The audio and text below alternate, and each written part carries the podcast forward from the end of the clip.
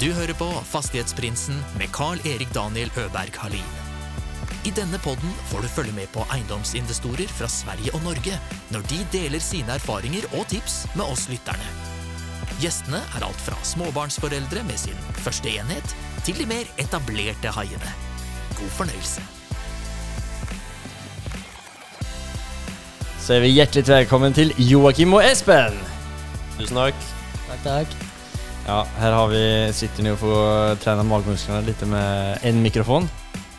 Men eh, det ser ut som det kan gå bra å sitte og prate inn i den nå. Ja da, det burde vi, burde vi klare, tenker jeg. Ja. ja men grymt kul at ni kom hit, eh, tog er hit denne hva er det da, fredagsmorgen. Og, och eh, helt fra Sandefjord. Jo, takk for at vi fikk komme. Det er veldig gøy å være med på den podkasten her. Ja, vi skulle egentlig fått til denne här eh, samtalen eh, før sommeren, men eh, sommeren kom fort. Ja, den gjorde det. Det er bedre, bedre nå enn aldri. Ja, men eh, ni eh, var jo med på vårt eiendomsevent som vi hadde i Libertine i Oslo. Det var veldig hyggelig, så vi har fått snakka en hel del eh, både live og på online og på telefon. Ja, det var et veldig trivelig arrangement med mange spennende mennesker, så det var uh, Ja. veldig artig å få være med på. Vi satt, satt pris på at vi fikk lov til å delta på det. Ja. Ja, men uh, det kommer det bli flere anledninger til, både for ni som lyssnar og for eh, er gjester også. också. Men vi er jo her for å snakke litt eiendom, og ni driver med eiendom, obviously. Og jeg er ganske imponert over ni er jo inte de eldste i bransjen. Hur gamle er ni? Vi er 23 år, begge to. Ja. Har jeg enda holdt på i noen år og vært ganske mål, målrättade mot å komme inn in i eiendomsbransjen. Ni driver jo et byggselskap, et eiendomsselskap eh, i tillegg til det, som eh, ni nå har landet en eh, struktur på, som vi snakket om innan. Ja da, det har vi. Vi jobber daglig i vårt byggfirma, der vi også har noen ansatte. Og så driver vi foreløpig med eiendom på fritida og i helger, men håper å, håper å drive mer med det etter hvert på fulltid. Ja. Vi jobber for det. Men eiendom er jo en eh, tidssport, så når man starter tidlig som nyår, så har man ju eh, tiden på sin side. Ja da, vi prøver å bygge stein på stein, så vi får ta, vi får ta den tiden det trenger. Det er Ja. viktig å bruke tid og bygge, bygge et stabilt selskap. Mm. Ni, liksom starter ni med, om vi, om vi starter helt fra starten da. Ni, ni bor i Sandefjord begge to? kommer därifrån? Ja, stemmer. Vi begge bor i Sandefjord og er egentlig oppvokst sammen, så vi er barndomskompiser. Ja. Så vi kjenner hverandre godt fra før av. ja. Så ni behøver ikke snakke med hverandre når ni trenger hammeren, hammaren, utan du bare kaster den over og blinker, og så eh, har du lagt opp spiken? Ja, vi har, eh, har et godt samarbeid som fungerer fint, så vi trives med det. Så men er är ni utdannede snekkere, eller hvordan kom ni inn på det spåret? Nei, jeg er utdanna snekker, og så er Espen elektriker. Ja, Så vi har jo to forskjellige fagbakgrunner. mm. men, er en handyman, så i hvert fall. Ja, vi begge er innafor byggbransjen, Ja. så vi har jo en felles interesse der. Mm. Og så, eh, liksom, Hvordan kom det her vi skal holde på med eiendom når man er 20 år gammel og tenker at det er?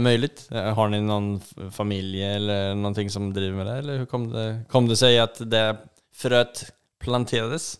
Nei, vi har vel ikke noe særlig med familie. Noe, noe men det er ikke noe i noe stor grad. Det, vi jobba som lærlinger begge to, og var veldig på å spare penger opp gjennom hele læretida. Så begynte vi å kikke på det sammen og dro opp litt visninger. Og så begynte vi å regne på det, og så at det her var, var noe vi hadde lyst til å drive med. Men de tenkte liksom på å flippe noen uh, leilighet eller hus eller noe sånt? Eller hva var det Nei, vi har i utgangspunktet ikke vært på noe flipping. Vi har hele tida hatt fokus på langtidsutleie, Ja. på uh, buy and hold. Mm. Og så har vi jo selvfølgelig brukt eh, faga våre i den kombinasjonen. Mm. Så vi har kjøpt objekter som vi har jobba en del på, tilført mye verdi og høyna leieinntekter. Ja. Det, er, det er egentlig det vi har gjort helt fra starten av. Mm. det, har- det har funka ganske greit, og det har jeg også strategi på å fortsette med. Og så blir det vel også kanskje litt mer inn mot eh, noen andre grupper innenfor eiendom etter hvert, da. Men uh, det begynte egentlig med at vi dro på en visning og kjøpte den, pussa opp, og så fikk vi litt blod på tann. Så det har vært full fart derfra. ja. Spennende. Ja, absolutt. Det er veldig, veldig interessant å jobbe med eiendom og bygg sånn i en kombinasjon, så vi prøver å benytte de mulighetene som kommer. Ja. At vi har en fot innafor byggbransjen også, som vi får uh, utnytta godt da når vi kjøper eiendommer. Mm. Men så ni var lærlinger først, og så Hvordan kom det seg Eller, det må jo ha vært ikke så langt efter ni var ferdig med den som ni valgte å hoppe inn på og starte eget? Nei, vi kjøpte den eiendommen i slutten av læretida, eller når vi akkurat var ferdig med læretida. Og så jobba vi Jeg jobba innenfor mitt fag litt, og Joakim innenfor sitt. Og så varte jo ikke det så lenge før vi starta opp eh, byggfirma da i, i fjor. For litt over et år siden stifta vi det selskapet. Og så første eiendommen kjøpte vi for rimelig nøyaktig to år siden. Ja. Så eh, vi jobba ikke så lenge hos arbeidsgiverne før, før, vi, før vi ga oss. Det var vel en eh, tre år. Ja, To-tre år. Ja. Grymt. Och, eh, men, og den første eiendommen da, som du kjøpte i Läringssida, hva var det for noe? Da kjøpte vi en eldre enebolig i Sandefjord Ja. med nærhet til en flyplass hvor det er pilotskole. pilotskole. -hmm. Så da tenkte vi at vi kunne pusse opp den eneboligen og dele opp til soverom. Så leie ut det som kollektiv til eh, pilotstudenter. Mm. Så det starta jo med det. Så vi fikk kjøpt den til en uh, sum som var eh, grei, litt under takst, for den lå lenge i den boligen. Okej, hvorfor, var det, hvor, hvorfor tror ni at den lå ute lenge og ikke ble solgt? Det er en litt sånn spesiell eiendom, for den første delen av bygget der er fra 1870. Oi. Så det er sånn uh, typ dokkehus som er eh, Det er lav takhøyde, og det er, eh, det er ikke så stort. Nei. Men uh, det fungerer fint når vi fikk delt opp til eh, et kollektiv, så begynte vi med det. Og så har den vært på utleie siden. Vi pussa opp der. Mm. Og så var det litt større tomt i hagen her òg, som vi hadde en plan med når vi kjøpte. Så der har vi også fått utvikla med å bygge en stor dobbel garasje med en leilighet over den garasjen. Oi, okay. Så det fikk vi gjort. eh, Den var ferdig ett år etter vi kjøpte eiendommen. Det der er jo noe med at ni er lokalkjent, liksom. Eh, Det er kanskje ikke, inte, eller hvor stor er den skolen, flyskolen der? Nei, det er vel eh, Det er jo den største i Skandinavia, tror jeg. Ja. Men uh, jeg, jeg tror det er rundt 300 studenter, Ja. hvis ikke vi tar helt feil. Men, men det er liksom bare på, eh, om man tar Sandefjord så er det jo det kan jo skille så ekstremt mye på pris f.eks. exempel. På 100 meter på den siden av gatan og 100 meter på den andre siden av gatan. Og så når när man har den kjennskapen som ni har så er det liksom fordel nummer ett. Og sen så er det eh, at ni er så lokalkjent, og ni har de här små planer. Da, planterade at her kan, her kan man leie ut til just denne skolen. Så da gjør det at denne eiendommen får en helt annen verdi. Når ni kan regne på den med all liksom, spesialkunnskap som ni har. Ja, absolutt. Den eiendommen her ligger jo i et mye billigere område i Sandefjord enn en gjennomsnittet. gjennomsnittet. Og så har vi jo leieinntekter som er på over gjennomsnittet. Ja. Av vi har gjort de grepa vi har. Det er et hus på 92 kvadratmeter som vi har bygd ut uh, fire soverom. Så det er jo nesten ikke stue eller noen ting. Men studentene de er på soverommene sine, og de er ikke så interessert i så mye mer. Så den, eh, den gilder stort sett eh, bedre enn mye annet man finner. Ja, og det gilder altså, det er ju, för när man snackar om uthyrningsobjekt eh, så kan ju det också värderas på ett annat sätt. Alltså det värderas ju via hur mycket leieinntekter det är och hur trygg den lejeintäkten är eh, och lejetagaren är. Eh, Och det är ju någonting som man är, som eh, är värt att tänka på. Altså for, for, alle andre som ikke vet om det. Ja, absolutt. Så det er eh, sånn som der oppe, så føler vi at vi har fått eh, differensiert risikoen på den eiendommen, sånn at vi veit at vi alltid har en viss cashflow på, på eiendommen. For vi har leier ut noe lager der oppe, og fire soverom og en leilighet. Så kan vi jo leie ut til både studenter, og så har vi en backup med at det ligger veldig nære E18. Ja. Så vi kan leie ut til arbeidere f.eks. også. Og Airbnb, for det er jo en privat flyplass der i tillegg. Har ni prøvd det også, eller? Nei, det har vi ikke prøvd ennå. Men, uh, Men det er mange många det- alternativ liksom som de, som det ni er har. flere Det er det som är fint. exit-utveier på Ja. utleie der. Da. Man er Ja. ikke lost til at man kun kan leie ut som et kollektiv. Så vi har litt flere bein å stå på hvis, Mm. det skulle, hvis den skolen skulle legges ned, f.eks., så går det an å gjøre det på litt andre mark markeder. er veldig spennende. Noe som jeg syns er mer spennende, eller også spennende, er det här garasjet som dere snakket om. At dere så at det var litt plass til att eh, utnyttja tomten til noe annet. Og så har ni bygd et garage med en leilighet på toppen.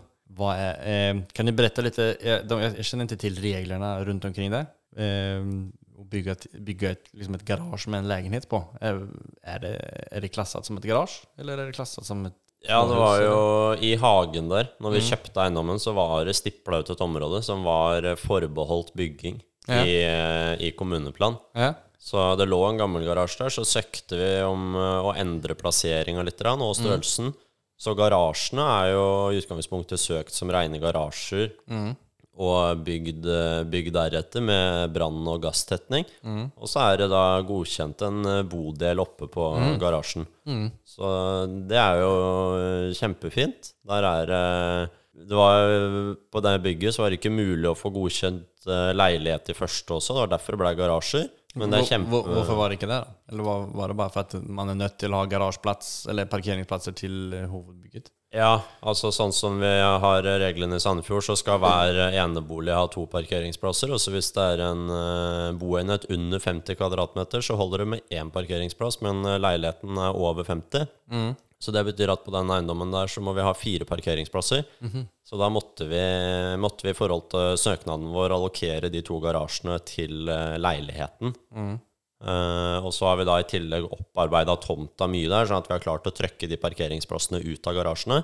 Så de garasjene leier vi ut isteden som lagre. Så der, eh, de er jo enkle å bygge. Kremmerne. Lavkost, ja, lavkost å bygge, og, og ganske god, god inntekt og lite oppfølging på de. Ja.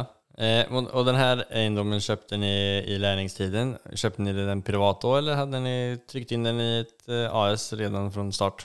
Nei, den kjøpte vi privat. Ja. Den har vi privat fortsatt. Mm. Så eier ni den eh, liksom sammen? Eh, var det og hur var den prosessen med banken? Eh, altså Eide ni noe fra før, eller var det første huset som ni eide privat? Nei, det var første gangen som vi kjøpte noe begge av oss, holdt jeg på å si. Så vi gikk jo egentlig i banken sammen, og så Ja. Så de sa at de skulle bo der? Vi sa vel egentlig Ja. at vi skulle bo der sammen, pusse Ja. opp og bo der. Ja. Og så pussa vi heller opp og leide ut. Ja. Så det gikk jo for så men vidt det var jo fint, også, det kan jo være mm, Jeg antar at i og med at det var det første som de kjøpte, så var jo ønskene at de skulle kjøpe, pusse opp og leie ut. Men så hadde man jo også det andre utveien, at man kunne hoppe inn og bo der selv hvis det skulle være så at markedet eh, tvinger til å gjøre det. Ja, absolutt. Så det kunne jo vært en exit, det også, å bo der litt sjøl før man selger. Mm. Så, men det gikk fint å få finansiering til den første. Det var Ja. ikke så stor transaksjon, og så hadde vi egenkapitalskravet, så da gikk det egentlig Ja. ganske greit. Mm. Bra. Faen, duktiga ni er, altså. Og så veien videre efter det? Hva, eller har ni holdt på med den, Hvor langt har ni holdt på med det eh, projektet? Liksom pussa upp eh, hur många, alltså, man kallar det rum, eller er är det i det huset? Det er fire. Det var to soverom når vi kjøpte det. Ja. Vi kjøpte i august, og så hadde vi gjort alle ombygningene i huset i løpet av september. Så vi leide ut Altså den du, ni köpte det i august og Ja, vi overtok i august. Ja. eh, og i løpet av september så var alle oppussinger ferdig Wow. Med alt av rominndelinger. som Ja. vi begynte å leie ut fra 1. oktober. Så vi fikk, eh, fikk cashflowen raskt på plass der. Ja. Gjorde ni alt selv, eller, eller eh, var det en kombo av... eh, Nei, der gjorde vi alt selv. Det var ettermiddager og kveldinger og, og helger Ja. som vi, som vi jobba der. Så vi fikk, vi fikk stabla den på beina, og så med en gang vi hadde fått inn leietakere der, så begynte vi med prosjektering i hagen på garasjebygget. Så da, da var jo Joakim i Forsvaret og satt mye på, på fritida der og, og tegna for hånd. Og vi lagde søknadsdokumenter og alt sammen. Så da begynte vi direkte på den. Og Hellre att du ikke ble skudd under tiden i skogen. Du sitter og tegner en garage og inte er med på övningen. Jeg satt heldigvis på en kontorstilling, så da gikk det an, å, Ja, an å kombinere litt. Ja, så det då skulle var, det mycket til for at du skulle bli, blitt skadad. satt ganske trygt og godt. Ja. ja. ja, men bra. Eh, og da har dere fyra enheter i det huset och sen så har ni garagen och leiligheten på garagen också. Så ni har ändå skrapat ihop ganska många lejeförhållanden på en eh, liksom eiendom. Ja, der oppe på den eiendommen så har vi sju forskjellige leietakere Ja. med de garasjelagrene. Men det der är så, alltså hatten av, det grymt kreativt, bra jobbat. Eh, hvor hur mycket eh, leieinntekter har ni på den? Nei, det er vel en 38 000 i måneden, tror jeg. 38 000 i måneden. Ja, så den eiendommen har hjulpet oss mye. Ettersom vi når vi var lærlinger, så jobba vi all overtid vi kunne, og vi, vi sparte mye penger. Så at, øh, og vi har vært øh, nøye med belåninga, så det er ikke så høy belåning på eiendommen. Og så er det ikke så høye utgifter heller, ettersom den er privat, så renten er ikke så halvgærne. Så den har hjulpet oss mye på veien. Så der har vi ganske god positiv cashflow hver måned. Så den, den har hjulpet oss veldig videre egentlig med å kunne, kunne leve litt på den også, nå i oppstarten av de andre selskapene. Kan vi hoppe videre til eh, dere er i dag, da? Ni har eh, byggselskapet som heter Der vi står i dag, så har vi et byggfirma hvor det er eh, meg og Espen som jobber, og så har vi tre ansatte. Ja. Eh, JE Bygg. JD Bygg. Og så stifta vi Det stifta vi i mars 2022. Mm. Så starta vi å drifte det fra cirka, Ja, for et år siden for fullt. Ja. Vi hadde litt oppsigelsestid og sånn hos de gamle arbeidsgiverne. Mm. Og i juni 2022 så kjøpte vi en tomannsbolig. Mm. I, det, I liksom selskapsform, eller? Ja, det kjøpte vi i et uh, selskap som vi stifta kun for den eiendommen. Mhm. Mm. Og så etter det så gikk det litt slag i slag. Så fikk vi kjøpt uh, en uh, fire leiligheter og to små næringsseksjoner i Sandefjord sentrum. Wow. Og siden det så har vi tenkt å utvikle litt på de eiendommene vi allerede har. Ja. Og så fått en opsjonsavtale på en tomt, hvor vi også har en søknadsprosess pågående. Mm. Så vi sitter egentlig litt nå Akkurat fått søkt om alt vi skal gjøre, så venter vi litt på saksbehandlingstider for å se om vi får godkjent noe. Ja. Men eh, man snakker om den hockeystikken. den var jo ganske kort den her første perioden. Den startade jo rett bratt. Den her første eiendommen utnyttet den eh, superbra. Sen hopper ni over til å drive for er selv. Och jag kommer knappt ihåg alla eiendomar som du rabblade upp. Vad var det du sa? Ni hade köpt nu i, i sällskap, ni köpte en eiendom som var En hel tomannsbolig. en helt tomansbolig. Mm. Den kjøpte vi på våren 2022. Mm. Også en eh, fire leiligheter og to små næringsseksjoner i ett bygg i Sandefjord Ja. sentrum. Ja. Den var nærmere jul 2022. Mm. Så det er liksom et uh, litt større næringsbygg, kan man kalle det. Eller det er jo leiligheter også, då. Ja, det er fire leiligheter og to små næringslokaler. Det er vel eh, rundt 450 kvadrat, tror jeg det bygget. Mm. Det, det er litt større. Det er det største vi har eh, kjøpt uh, fram til nå. Kan vi bare starte da, vi har knapt ett års track records i, i, i eh, som, som, som, som selskap da. Og hvordan klarer dere av å få lån på den første eiendommen i AS? Kan ni, var det... Ja, da tok vi Da hadde jo begge faste jobber, Ja, eh, som vi sa opp eh, litt før. Men før vi sa opp, så gikk vi til bankene våre Mm. og la fram alt av lønnsslipper og et regnestykke for de. Mm. Så vi lånte opp eh, så mye penger vi kunne. Mm. Og altså privat eller? privat, ja. Vi Ja. lånte oss helt opp privat før Ja. vi slutta jobbene våre. Ja, Altså på... Och, eh, For å få ut liksom cash. Ja, da fikk Ja. vi cash ut på konto som vi hadde lånt av banken på eh, privatlån. Og så slutta vi jobbene våre. Det er bara stoppa oss der. Det er ikke alle som vet exakt hvordan den prosessen fungerer. da. Eh, kan du forklare lite? eh, Kan du ta igjennom eh, for dem som vil gjøre det samme Ja, absolutt. Det er jo Altså, banken har jo eh, visse regler når de skal låne ut penger til deg som privatperson, som er underlagt av Finanstilsynet. Så hvis du skal ha et boliglån, så går jo det på fem ganger inntekt. Du skal ha 15 ganger egenkapital. Og så har de også noen kvotegrenser som de kan unngå ett av reglene innenfor så og så mange prosent av kundene sine. Så det, det banken er opptatt av, er at man skal, kunne, man skal kunne belåne det man belåner, skal man også kunne betjene i forhold til hva man har i inntekt. Det er på en måte det de prøver å regne seg hjem på. Og det, det vi da gjorde, var at vi regna på vår privatøkonomi og så hvor mye mer vi kunne låne. La fram det for banken. Og for, for, situasjonen var da at ni leide der dere bodde? Ja, eller da, det var, da hadde vi kjøpt eh, eiendommer selv også, egentlig, i mellomtiden. Ja, så Ja. Ni, bodde, ni hade köpt privat også, Ja. og så hadde ni den her gemensamme eiendommen som, eh, eh, som det kom 38 000 i leieinntekter på hver månad? Stemmer. Så da har vi jo faste jobber som vi kan vise til lønnsslipper fra banken. Og vi har eh, den eiendommen som vi har på utleie, som hadde da 38 000 i måneden. Så vi kan regne også med den som inntekt. Og så eh, regna vi da fram til hvor mye lån vi kunne ha, og hva vi klarte å betjene. Det var banken enig i, så vi lånte eh, oss helt opp privat. Og så stifta vi det eiendomsfirmaet. Så tok vi de pengene som vi hadde lånt av banken privat. Altså, ni refinansierade deres private situasjon, så ni fikk ut X penger. Ja. Og så tog ni de pengarna och lånade inn til ert eh, nystiftade AS Stemmer. Så da hadde helt plötsligt eh, det nystiftede AS et, som de hadde planer på å kjøpe en eiendom, masse egenkapital. Stemmer. Mm. Og så gikk vi da til banken mm. for det AS-et og lånte på den egenkapitalen som det AS hadde, som vi igjen egentlig hadde lånt på privatøkonomi. Mm. Ja. Men lånt og lånt, det er jo Altså, man følger eh, reglerna. Så ni kommer ju bara upp till de 15 procentens egenkapitalkrav eh, eller när eh, fem gånger intäkt kickar in.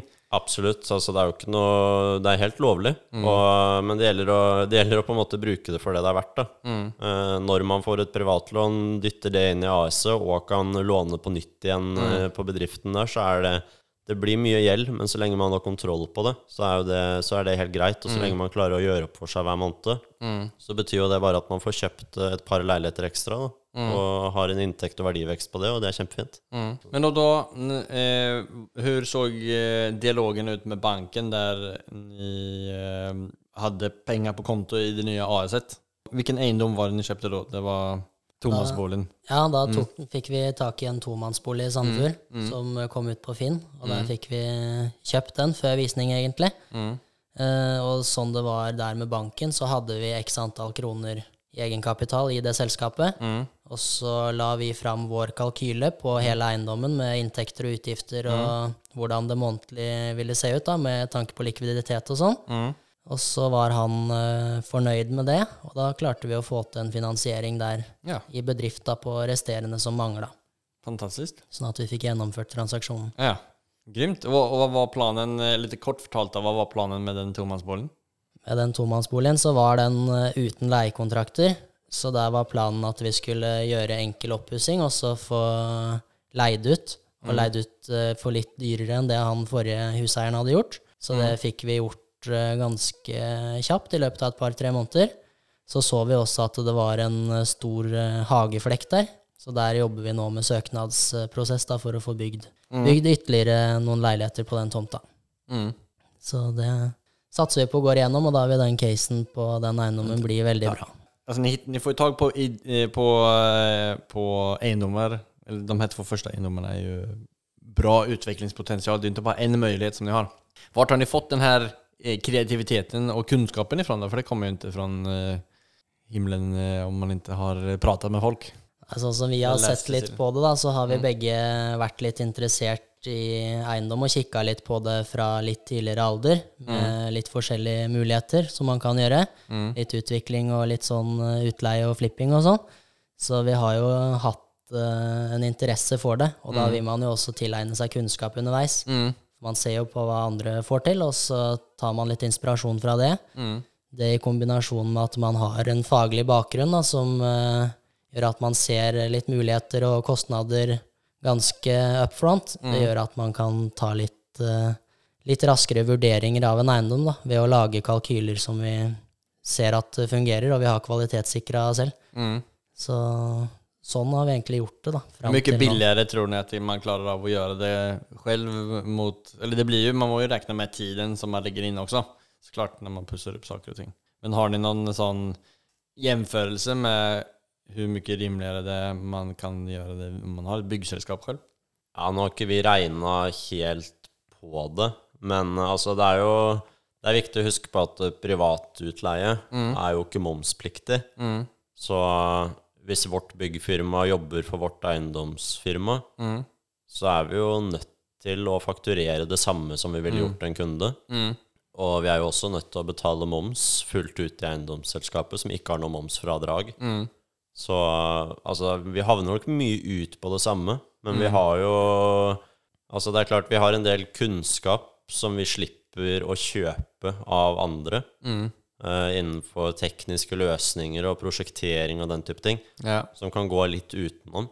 Men de fysiske arbeidstimene som man står og, og jobber på bygningsmassen for eiendomsselskapene våre, så må man passe seg litt på grunn av oss, av vi har et byggfirma, og vi har kunnskapen og fagbrevene også, så er vi skattepliktige av uh, all den jobben vi legger ned for firmaet. Men uh, det er klart, altså man ser løsninger, og vi gjør nok ting på en annen måte enn det mange andre ville gjort hvis de hadde kontrahert et annet firma for å jobbe for seg. Vi er mye på billigsalg og okay. kjøper materialer Ja. mye kjøkken fra Finn og mye okay. Altså, vi, vi, vi er veldig kostnadseffektive den Ja. veien, som, som på en måte redder oss inn også, da. Mm. Med Nå har vi et par kjøkken liggende som vi har vært og henta, som har vært billig på Finn, Mm. som vi kan putte inn i noen leiligheter. Sånn at vi, vi prøver å spare mye penger den veien. Bra. Men når dere kjøper et sånt kjøkken på Finn som er brukt, altså, så stikker dere dit, demonterer det og legger det på et eh, lager? Ja, stemmer. Så det har vi gjort med kjøkken og baderomsinnredninger og hvitevarer Ja. og sånne ting som man veit at det går uansett da, med tiden. Mm. Så det er ikke noe farlig for oss å ha, ha litt av det på lager. Men som et kjøkken, hva eh, har ni då, vet ni om eller har ni sånn snitt, så her stort er kjøkken, köken, eh, eller eh, tar ni bare alt ni får og sender ni setter opp det liksom, om, ni, om det savnes et skap eller to, er det lett å få tag med liknande skap når man finner hittar sånn brukte greier? Sånn som vi har kikka litt på det, så er det å få tak i så store kjøkken Ja. som mulig, sånn at man heller kan eh, kvitte seg med et skap eller to Ja. for mye, da, enn Ja. å kjøpe Så et det är så ni safer er? Ja, istedenfor å kjøpe små hybelkjøkken, så kjøper vi heller litt større, større kjøkken, som man eventuelt kan kanskje klare å få to kjøkken ut av da, i mindre leiligheter. Eller at man får eh, et eh, flott kjøkken. Så ni hittar mycket på billigsalg, følger med på Finn og gjør gör det liksom, Der sparer man mye penger eh, med innkjøpen. Har ni några fler eh, erfarenheter og tips liksom på vart er besparelse kommer når dere ni opp rustar en eiendom? Altså Hvis man eh, skal ha håndverkere til å jobbe for seg, så er vi jo, ettersom vi driver byggfirma så, så følger vi jo ganske mye med på prisinga på håndverkere. I hvert fall i den byen vi bor, og det er ganske store forskjeller. Ja. Og det å ha faste håndverkere, da, hvis man driver i litt større kvantum. Finne et byggfirma, et elektrikerfirma, et rørleggerfirma som du bruker fast og kanskje kan få en rammeavtale med. Sparer mye tid på å jobbe med samme folka hver gang.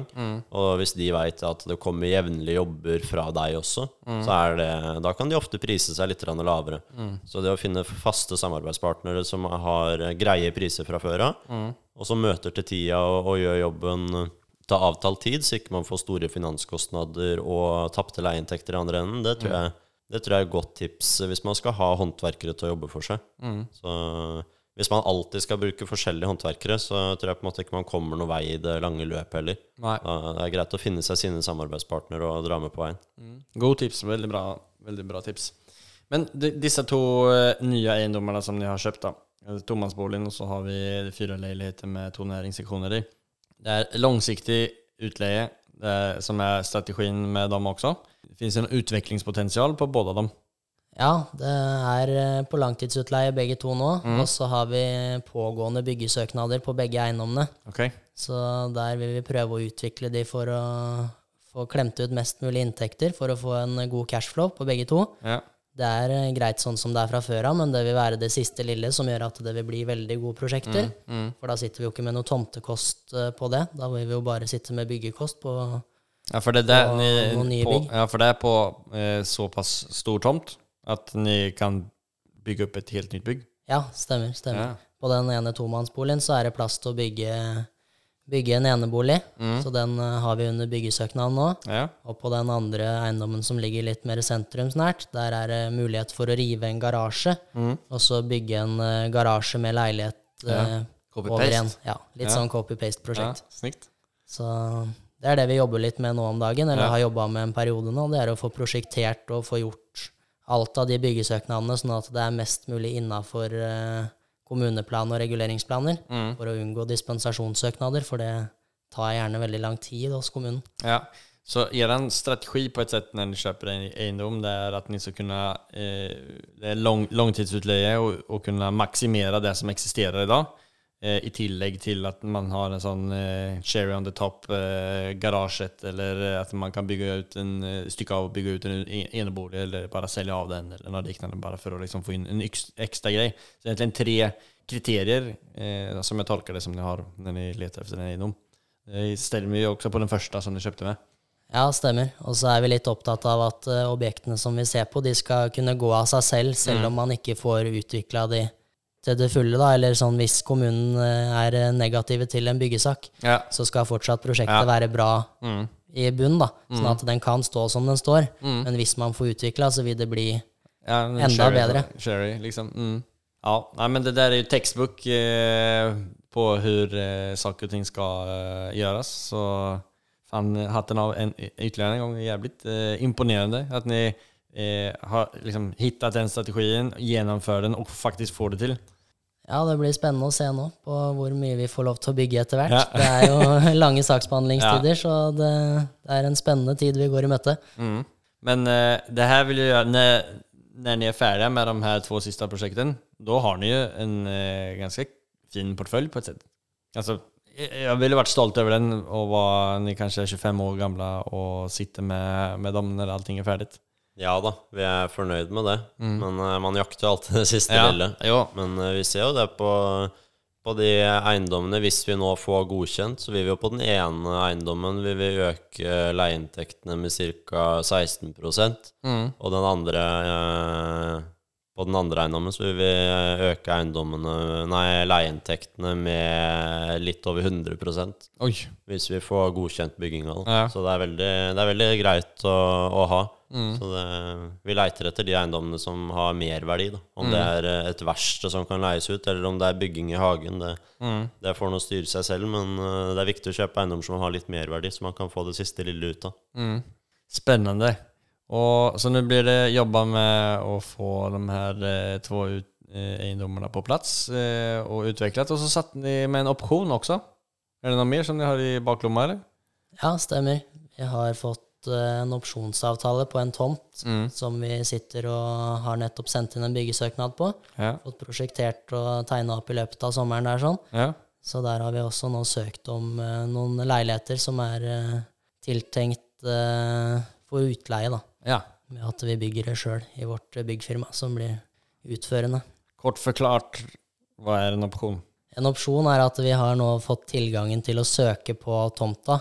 Altså det er an, en annen eh, person eller selskap som eier en tomt. Ja, det er fremdeles en annen som eier den og har eh, rettighetene til tomta, sånn i utgangspunktet. Men vi har fått en opsjonsavtale og så en eh, at, at, att ni kommer få kjøpe den når man har gjennomført søknaden. Ja, så vi har nå muligheten til å søke og prosjektere det vi har lyst til på tomta, og hvis det blir godkjent, så vil vi da utløse en kjøpsum som er avtalt nå på forhånd. Ja.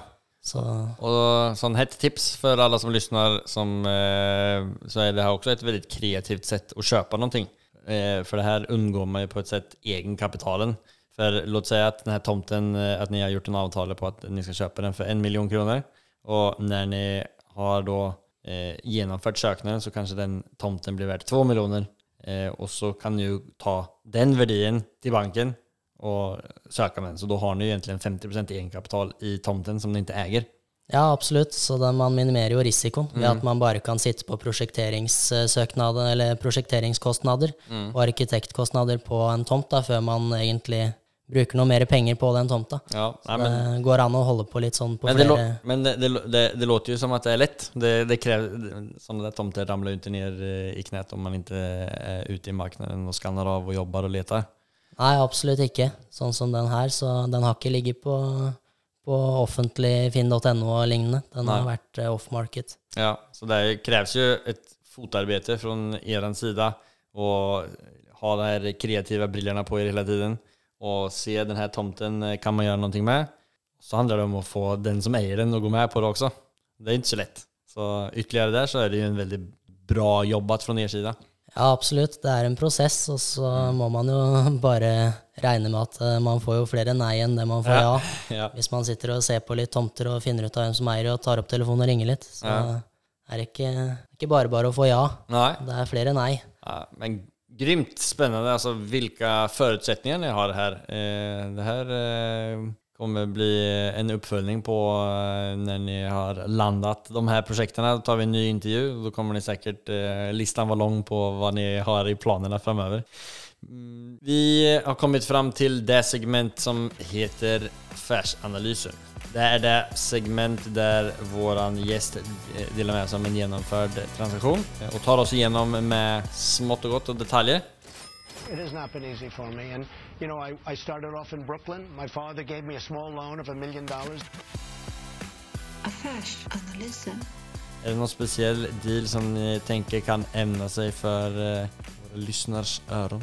Ja, vi kan ta den, eh, den siste vi har kjøpt. De fire leilighetene og to små næringsseksjonene kan være grei. Ja. Den, eh, det er en eiendom som lå på Finn. Den kom ut. Vi dro på visning første gang. Da lånte 8,3 millioner. Den lå ute for 8,3. Ja. Ja. Uh, og vi dro på visning, begynte å regne på det. Og, og så dro vi egentlig bare, på grunn av vi så det at det, det, det, det klarte vi ikke å regne hjem. Nei. Og det så det ut som det var flere som var enig med. Så den blei liggende lenge. Og de dumpa prisen til 7,5.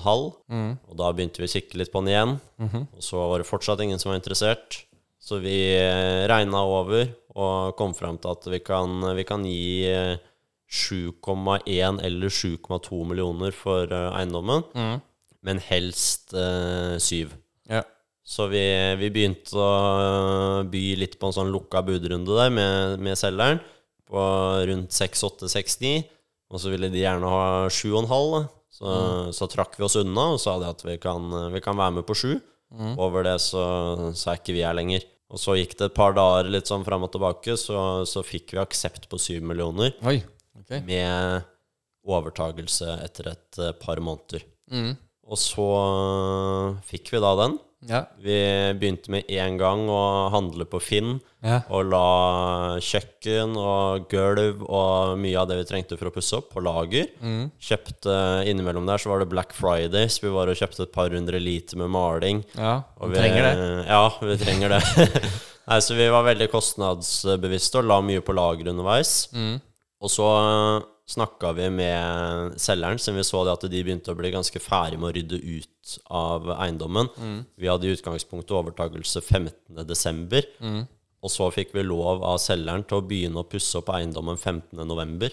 Mhm. Så vi fikk aksept på å begynne Mm. å pusse opp 30 dager før vi hadde overtakelse. Så hyggelig. Så ja, veldig. Og de syntes det var så gøy med oss også, som skulle komme inn og, og pusse opp det gamle hjemmet deres. Ja. Så der fikk vi faktisk da 30 dager med oppussing gratis, uten Ja. noe finanskostnad eller rentekostnader som løper. Ja. Så da hadde vi allerede pussa opp nesten to leiligheter på 30 dager. Ja. På fritiden. På fritiden og kveldinger og, og netter. Ja. Eh, og så overtok vi og pussa opp de to neste leilighetene. Og hadde alt utleid fra januar-februar. Wow. Ja, så det, det var ganske greit. Så der hadde vi en oppussingskostnad på 300 000 på fire leiligheter. Ja. Da var det med bytte av et kjøkken, bytte av en del benkeplater, bytte av knotter på kjøkkenet, og bytte litt baderomsinnredninger, malte, la gulver. Sånn generell overflateoppussing. Ja. Og bygde ekstra soverom i de leilighetene der det var mulig, for å øke leieinntektene. Eh, Så da hadde vi oppussingskostnad på, på 300 000. Baden, det var ikke noe som de tenkte å gjøre noe med? Nei, det Bortsett kommer etter hvert. Eller, ja. Eh, Den eiendommen står litt sånn at vi, vi, vi leier den ut. De er såpass dårlige at vi tar et ordentlig røsk og pusser opp mye der. Mm. Så skal, da skal vi videre søke om å dele ut én leilighet der. Så den ene leiligheten i andre etasje er 110 kvadratmeter. Ja. Så vi skal søke om å leie, uh, seksjonere den til to leiligheter da, i fremtiden. ja. Så det, da hadde vi en totalinvestering på 7,3 pluss omkostninger. Mm. Eh, og så- 7,5 cirka, da. Ja, rundt 7,5 million. Mm. Og så, i etterkant, når leilighetene var pussa opp, så begynte vi å pusse opp eh, næringsdelen. Mm. Der har vi endt opp med at byggfirmaet vårt eh, leier kontor, Mm. og vi har eh, et lager der også. Snyggt. Så der putta vi inn 300 000 til. Ja. Så da er vi ca. oppe i 7,8 millioner, 7,9 millioner med omkostninger. Mm. Og så har vi en refinansiering der på ja, rundt 9. Mm. Så det, det, er en sånn, det er en grei sak, og den, den cashflower greit. Den har vi på, på serielånsnedbetaling eh, på 25 år. Så vi støtter opp bitte, bitte litt per måned nå, de to første åra. Mm. Og så går den helt av seg selv på serielånsbetaling. Hadde vi putta den på annuitetlån, så hadde den gått eh, helt fint. Ja. Med en par og tjue år eh, nedbetalingstid. Så det, det er en, det Så er ni- en som er ganske grei. Ni putta inn ca. 600 000 eh, i oppussing, Ja.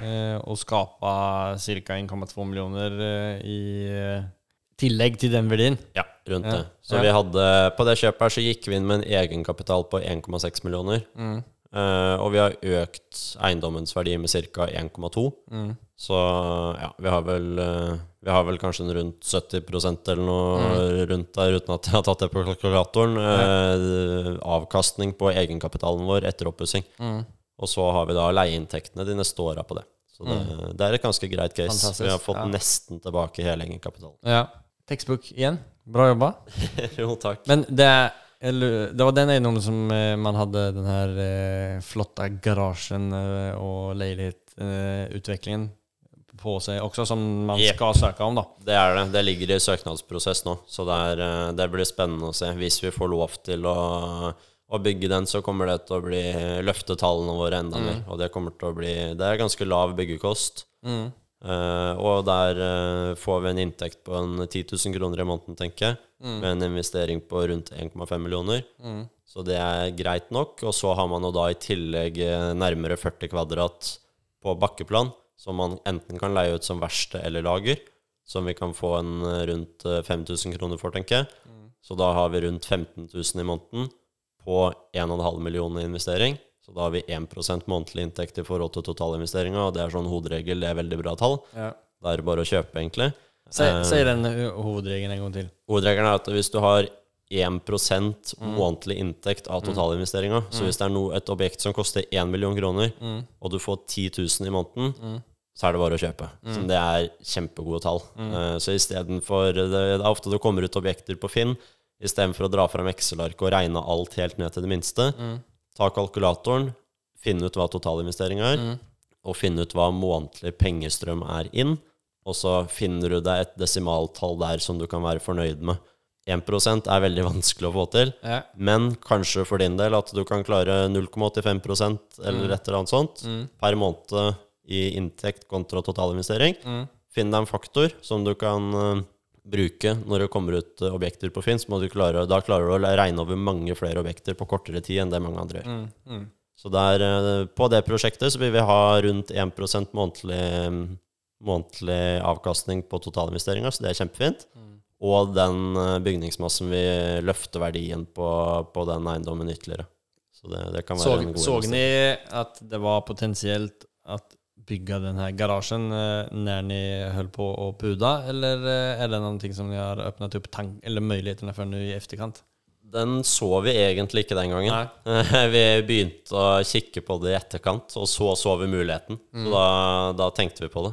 Og så får vi se om det blir nå. Så den, den gangen så kjøpte vi sånn som bygget sto, Ja. med en tanke om at eh, vi kan dele opp den ene leiligheten i to leiligheter etter hvert. Sånn at vi kan klare å få én leilighet til. Men eh, det bygget Og så er det mye oppussing der eh, etter hvert som må gjøres, som vi kan eh, skape mye verdi på. Bra, men uh, overall så er ni fornøyde med denne investeringen? Ja, vi er fornøyd med den. Det har vært en uh, fin, uh, fin investering. Det er jo i Sandefjord sentrum, så det er jo begrensa hvor mye bygningsmasse Ja. det er plass til der. Så sånn som vi har sett litt på det, så vil jo ikke verdien eh, gå noe ned der. Nei. For det vil jo være ettertrakta å ha sentrumsnære bygg. Den ligger egentlig eh, bare bitte litt utafor Smørøyet i Sandefjord. Så det ser vi på som en fin eiendom å sitte på over tid. Ja. ja, men det låter som eh, det. Låter som det. Hva har ni tatt med i noen spesielle lærdommer från eh, det, just det prosjektet Hittils? Eller generelt generellt eh, bra prosjekt?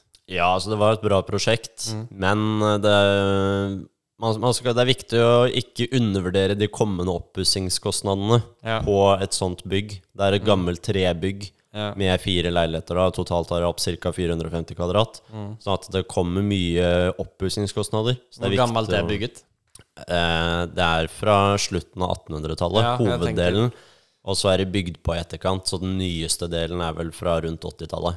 Men er det sånn at det er vernet bygg? At det finnes, at, eller, i, I Sandefjord sentrum så er det vel sikkert visse regler. Det må være si og så kledning, Det det. og det må ha de her typen av vinduer og, som det. ikke er det- inte är eh, plastvinduer från eh, Baltikum som man kan sette inn? Nei, vi ligger faktisk innenfor det området. Så at den bygningen har eh, retningslinjer på type kledning, retning på kledning, vinduer, tak eh, Ja, hele veien, egentlig. Så Mm. hvis det er sånn at vi skal endre på noe av det, så er vi nødt til å, å, å ha en søknadsprosess overfor kommunen. Ja.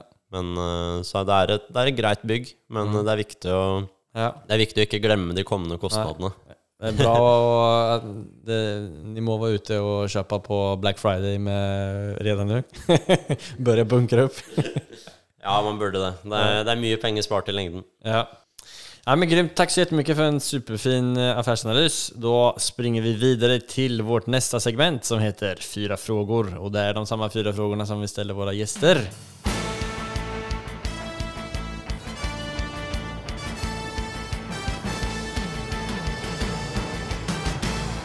Cuatro preguntas. Och den första frågan är Vad är det som skiljer från en framgångsrik entreprenör mot de som inte lyckas, slutar eller aldrig kommer igång? Jeg tror mye av det handler om eh, kontinuitet, og så ikke gi seg. At man hele tida er på jakt etter nye muligheter. Ja. Og så prøver å se det litt eh, fra et større perspektiv, at man ser det på som en helhet, det man driver med. Om det er eiendom eller et annet, eh, en annen business som man prøver å bygge opp. Så se på det fra et litt tredje perspektiv noen ganger, og se hva man egentlig driver med, og så Hur mener du da? Altså at man eh, inte blir ikke så... få skyggelapper, da. Sånn, så, sånn at du ikke bare fokuserer på akkurat det du gjør her og nå, men Mm. at man prøver å se på businessen fra et litt uh, større perspektiv, og så Mm. se hvordan man kan utvikle det over tid. Ikke bare låse seg fast og se på at eh, nå skal man stå og male en vegg, men at Ja, man precis. har en Ikke være så inne i de her små detaljene som du faktisk gjør her og nå. Ja, at man prøver å se på det over et større perspektiv, og så legge en mer langsiktig plan. Ja. Og så holde kontinuiteten oppe, da, til at man faktisk gjennomfører over en eh, tidsperiode som man har satt på forhånd. At ikke man står og så jobber dag og natt i tre uker for å gjøre ferdig en leilighet, f.eks., og så blir det ikke noe mer etter det. Nej. Man er nødt til å ha en plan på at man skal videre hele veien. Har ni något är eh, sånt bra system for å følge opp en selv? Alltså det handler jo om å være litt så Når självcoaching man driver med det. Eh, har ni noe sånn eh, en gang i veckan møte med revidering av plan eller en gang i måneden, eller kvartalet eller halvåret eller, eh, eller er ni bare generelt litt duktige på å ta de si, vad ska man säga, helikopterperspektiven i... Nei, Vi har ikke noen sånn faste tider vi sitter og har møter på det. Vi Nei. jobber veldig mye sammen, og vi jobber, eh, jobber mye sammen på dagen. Og så sitter, det- sitter vi sammen på kontoret på kvelder og ser på litt ting eh, når det passer seg, egentlig. Og så har vi nå nylig lagt en plan på hvordan vi skal gjøre det en eh, viss tid framover, som vi nå skal følge. da. Ja. Sånn at vi har et eh, fast mål å jobbe mot eh, begge to, som vi er enige om på forhånd. Og så Vil du dele litt om det? Tror jeg vi vil ha privat. ja, ja. ja, men spennende Men det er bra å ha en, eh, helikopterperspektiv, det vet jeg selv. Det er veldig lett att, eh, både på godt og ont, bli liksom inne i, eh, i det som man driver med for stunden og glemmer å kanskje legge en ny, ny plan, men også og kanskje om man har en, en, langsiktig plan mener jeg, om, eh, men også om man har en langsiktig plan så er det lett å, at hjernen bare fokuserer på det som man holder på med nu som gjør at det, man ikke opplever at man kommer framåt heller. Ja, det er viktig det også å se litt eh, progresjon underveis også, for å opprettholde motivasjonen hele veien til at man faktisk skal stå på til enhver tid, og ikke, ikke havne bakpå, da. For det kan være farlig. Ja.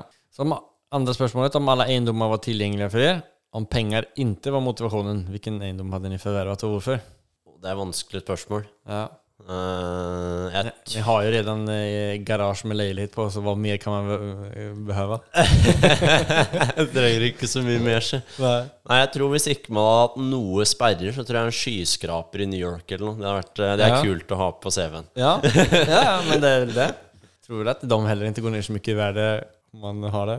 Ja da, jeg tror, jeg tror det. Eh, Vi får nå se om det blir noe av, da. Ja. Nei, men det är, man Det er lov å drømme. Litt sky is the limit. eh, Det er litt et sånt spørsmål. Ja da. Nei, så det Jeg tror det. Ja. Kanskje det blir Sandefjords eh, første första skyskrapa? Ja, kanskje det. Første man, bygget i Norge over 100 etasjer? må nok noen år fram i tid da, tror jeg. Ja. Byplanen må oppdateres från 1800-tals trebygg til skyskraper. Det er litt et sånt kul eh, fredagswhiskyprosjekt å jobbe med kommunen med. Hadde nok fått et par avisoppslag da, tror jeg. Eh, om ni har något bra boktips för en som är intresserad i egendomsinvesteringar, vilken skulle ni ge då? Jeg har egentlig ikke lest så mye bøker, Nei. men jeg hører på mye podcaster.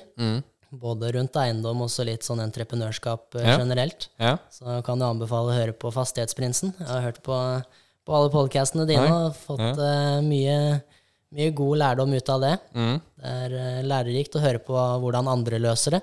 Og så kan man ta, ta litt tips her og der, så får man, eh, får man eh, sammen et kunnskapsnivå som blir eh, ålreit etter hvert. Er det noen spesiell gjest som har, eh, som du tänker eh, har påverkat mye? Nei, jeg har egentlig hørt på alle, og så tatt litt fra hver. Ja. Og så prøvd å sette sammen litt hvordan folk driver sine businesser, og så se hvordan vi kan mm. gjøre noe av det samme inn mot det vi driver med. Og så prøve å optimalisere det i forhold til hvordan vi driver fra før av, og så se om det er noe vi kan utvikle videre da, i forhold til de tipsa som uh, gjestene dine kommer med. Ja. Nei, men det er sant. Det er ekstremt mye eh, matnyttig informasjon i alle podcastavsnitt. Even det her som vi lytter på her, må jeg si en veldig bra og inspirerende episode. Men om man virkelig setter seg ned og lytter på episodene, altså og, og tar fram papper og penn og plukker ned, eh, plukker ned hva som sies Det er ikke mange utbildninger som man kan få som kan ge en sådana tips som man får genom att lyssna på podcast. Har du någon mer podcast? Som du lyssnade på någon eh, business podcast också? Ja, eller jeg hører litt på Impressions-podden til han nede på Sørlandet der. Hører Ja, litt på hvordan også, eh, andre har starta opp og sånn. Og så Ja, jeg husker ikke navnet på det, men jeg hører på litt forskjellig. Ja. Det er enkelt når vi går og jobber og så hører på podkast, for Ja. det tar ikke noe tid kontra Nei. å sitte og lese en bok, for vi jobber, eh, jobber store deler av døgnet enten ute og snekrer eller på kontor, så da. Har ikke tida strekt til til å lese bøker. Ja. Så må man også ha interessen der til å sitte og lese en bok, og den har ikke jeg hatt, uh, nei, hatt nei, tidligere. Det, Så det, är, eh, det er, bra. Det er mange, mange sätt att eh, få kunnskap på. Så, fjerde og siste spørsmålet i denne serien av uh, segment. Nevn det mest storartede, morsomme eller minnesverdige settet som du har feiret en gjennomført affære eller seger på. Jeg tror ikke vi har så mye å komme med der. Så vi, vi, har ikke, vi har ikke hatt noen spesielle feiringer. Vi, har, eh, vi, har, vi er så utålmodige, så Mm. stort sett når vi er ferdig med noe, så har vi allerede begynt å sikte på noe nytt, og så har vi på en måte ikke Vi har ikke tida til å, til å feire så mye. Nei. Men vi har vel bestemt oss for at eh, når vi har nådd noen mål vi har satt oss, så kan vi heller ta en ordentlig en. Ja. Nej, men jeg, jeg har jo fått ställt det här spörsmålet till över 100 gäster och eh, det startar ju egentligen med att jag själv inte eller sitter i samma båt och inte är så jävla duktig eh, på att fejra. Eller vad det är och det här skulle sette lite mer fokus på det. Så jag har ju fått tid till att reflektera en hel del över alla svar som jag har fått. Och det är ju inte egentligen den här stora feiringen som är det viktigaste utan det är ju att ha de här små fejringarna tror jag. Eh, som i vart fall som jag känner själv. Och när man ser på, på en prosess. alltså det kan ju ta hur lång tid som helst att köpa och genomföra en eh, den här eh, sista som ni gjorde. Men om ni, om man hellre firar varje sån här, det är ju många små se- segrar. Alltså det är en seger att ni fick eh, köpt bygget för den eh, summen som ni fick ner den till. Det var ett bra köp. Det är en seger. Så övertagelse, det är en seger. Eh, få få um, komma in och pussa upp en månad före. Se, ni har så många olika sätt, eh, tidspunkter som man kan fira på. Och det blir jævlig jävligt mycket roligare om man firar hele tiden. Absolutt. Og så tror jeg sånn for vår del, når, vi er, når man har ferdighet med prosjektet, og så, og så er man fornøyd med det, så er det Ja. jo sånn at det er en feiring i seg sjøl. Ja. Det å kunne bare sitte og begynne å se på nye prosjekter, Ja. er jo, det er jo gøy i seg selv. Så Men man trenger liksom ikke heller att slå på stortrommen. Det kan jo være å bare stikke og kjøpe en favoritbolle på bakeren og, og unne seg det i det Altså en bedre lunsj, det er en fejring. Det behøver jo ikke alltid være Nå prater jeg litt til meg selv også. For det, det å, att markera de her små segrene er jo jævlig bra, tror jeg. Ja Viktig. For ellers eh, annars så blir det liksom at det blir så langt fram och eh, jag, tror, inte- jag tror nödvändigtvis inte att man drivs på hårdare. Utan det, jag tror mer man triggas på det. Så nu ska vi göra en case study här. Nu ska ni fira med bollar varje gång ni har sån små grejer och så ska ni komma tillbaka och så får ni säga hur det gick, om det, var, om det fick ännu mer energi. vi får komme tilbake med et par prosjekter, og så får vi ta en oppsummering. Ja, kalla det bollefejringsprojektet. Nej men grymt. Är, är det några speciella projekt som ni är eh, på jakt efter eller liksom har ni noe med, med ert for en stund? Nei, vi driver og følger med Vi, vi har jo disse leilighetene under søknadsprosess. Og fordelen med de er jo at vi også driver byggefirma. Så hvis det blir roligere i byggebransjen, så har vi muligheten til å bygge for oss selv istedenfor at vi skal gå tomme for jobb. Eh, og så driver vi og følger med på siden på, på andre typer bygg som kommer ut. Men eh, det er klart et sted Det går en grense på hvor mye man kan drive av gangen, sånn som vi holder på nå. Eh, et sted stopper jo pengene òg. Så, så vi driver og følger med. Og vi har jo lyst å Vi har kikka litt på næringsbygg den siste tida. Kikker litt mer på det etter hvert også. Men foreløpig så er det å få de søknads, søknadene gjennom, og så, og så ta det derfra. Ja. Vi følger med på alt som kommer ut, og, og prater med en del folk, og, og er i markedet. Vi, vi følger med på hva som skjer. Mm. Men er är ni öppna for flere typer av samarbeid altså med andre investorer eller eh, byggselskap eller andre andra konstellationer? Ja, absolutt. Vi prater med de fleste vi kommer over. Så vi er jo også Vi er ganske åpne av oss. Så vi ønsker jo gjerne, hvis det er folk der ute som ønsker å komme i kontakt med oss eh, og enten har noen spørsmål eller noe de føler de kan tilføre, så er det jo bare å ta kontakt. Og, og vi er absolutt eh, interessert i, i samarbeid med andre typer selskaper òg. absolutt. Det, Hvordan kommer man i kontakt med er på beste sett, da? Ja, det er vel kanskje enten på Instagram, eh, Joakim Olsen eller Espen Bast. Eventuelt så kan man sende oss en e-post på post at jebygg.no. Ja. Så er vi tilgjengelig. Der følger vi med mange ganger om dagen. Så hvis det skulle være ønskelig, så send en e-post. Det er nok best. Ja, ja men da lenker vi til Instagrammer og mailadresser i podcastbeskrivelsen Og så hoppas vi at eh, masse spennende muligheter dyker opp av det. Så, yes, neimen eh, bra. Eh, og før vi rundar av her og slipper videre til byggprosjekter og söknader i Sandefjord, eh, har dere noen siste tips til alle nye investerare? Ja, hva, skal, Nei, altså, hva for smart skal vi si nå? Nei, det må jo være å være på, følge med. Selv om man kanskje ikke har råd til å kjøpe den og den eiendommen. Hvis man er interessert, dra på visning og følge med. Sånn at man har en fot innenfor markedet. Prate med mye forskjellige folk. Skape et nettverk og, og egentlig bare jobbe på. Og hvis man er helt i oppstarten, så er det jo mye side hustles man kan gjøre. Jobbe overtid på jobben. Spare og begynne å investere. Så blir det fort kroner av det. Så man må egentlig bare holde motet opp og følge med og jobbe mye. Ja, men bare starte med det man kan egentlig. Ja, og så blir det jo litt sånn at man kan jo ingenting i det man starter opp, så man må bare kaste seg litt ut i det og prøve, prøve å gjøre det beste ut av det. Så kommer man sikkert til å gå på noen feil, men da, da gjør man ikke det neste gang. Nej men precis, det handler egentlig bare om å bestemme seg for at hvis man vil drive med eiendom og utvikling en gang fram i tiden så er det bare å kaste seg ut i det og gjøre det all in eh, med de forutsetningene som man har. Som sagt, så det var... Ja, absolutt. Det er jo, hvis man vil nok, så må man bare prøve på det. Og så må man bare kanskje sette andre ting til side. Men mm. så lenge man prioriterer tiden sin og vilja til det man eh, virkelig er interessert i, så, så går det til slutt. Ja, grymt. Bare være dedikert, så får man til det meste over tid. Ja. Nej, men superbra. Tack så jättemycket för att ni kom hit och har jätteglad över att ni har varit med och delat med er av er spännande korta resa hittills och är helt övertygad om att det kommer att bli en lång och grymt bra resa för er framöver också. Takk for det, og tusen takk for at vi fikk komme. Tusen takk for at du kunne komme.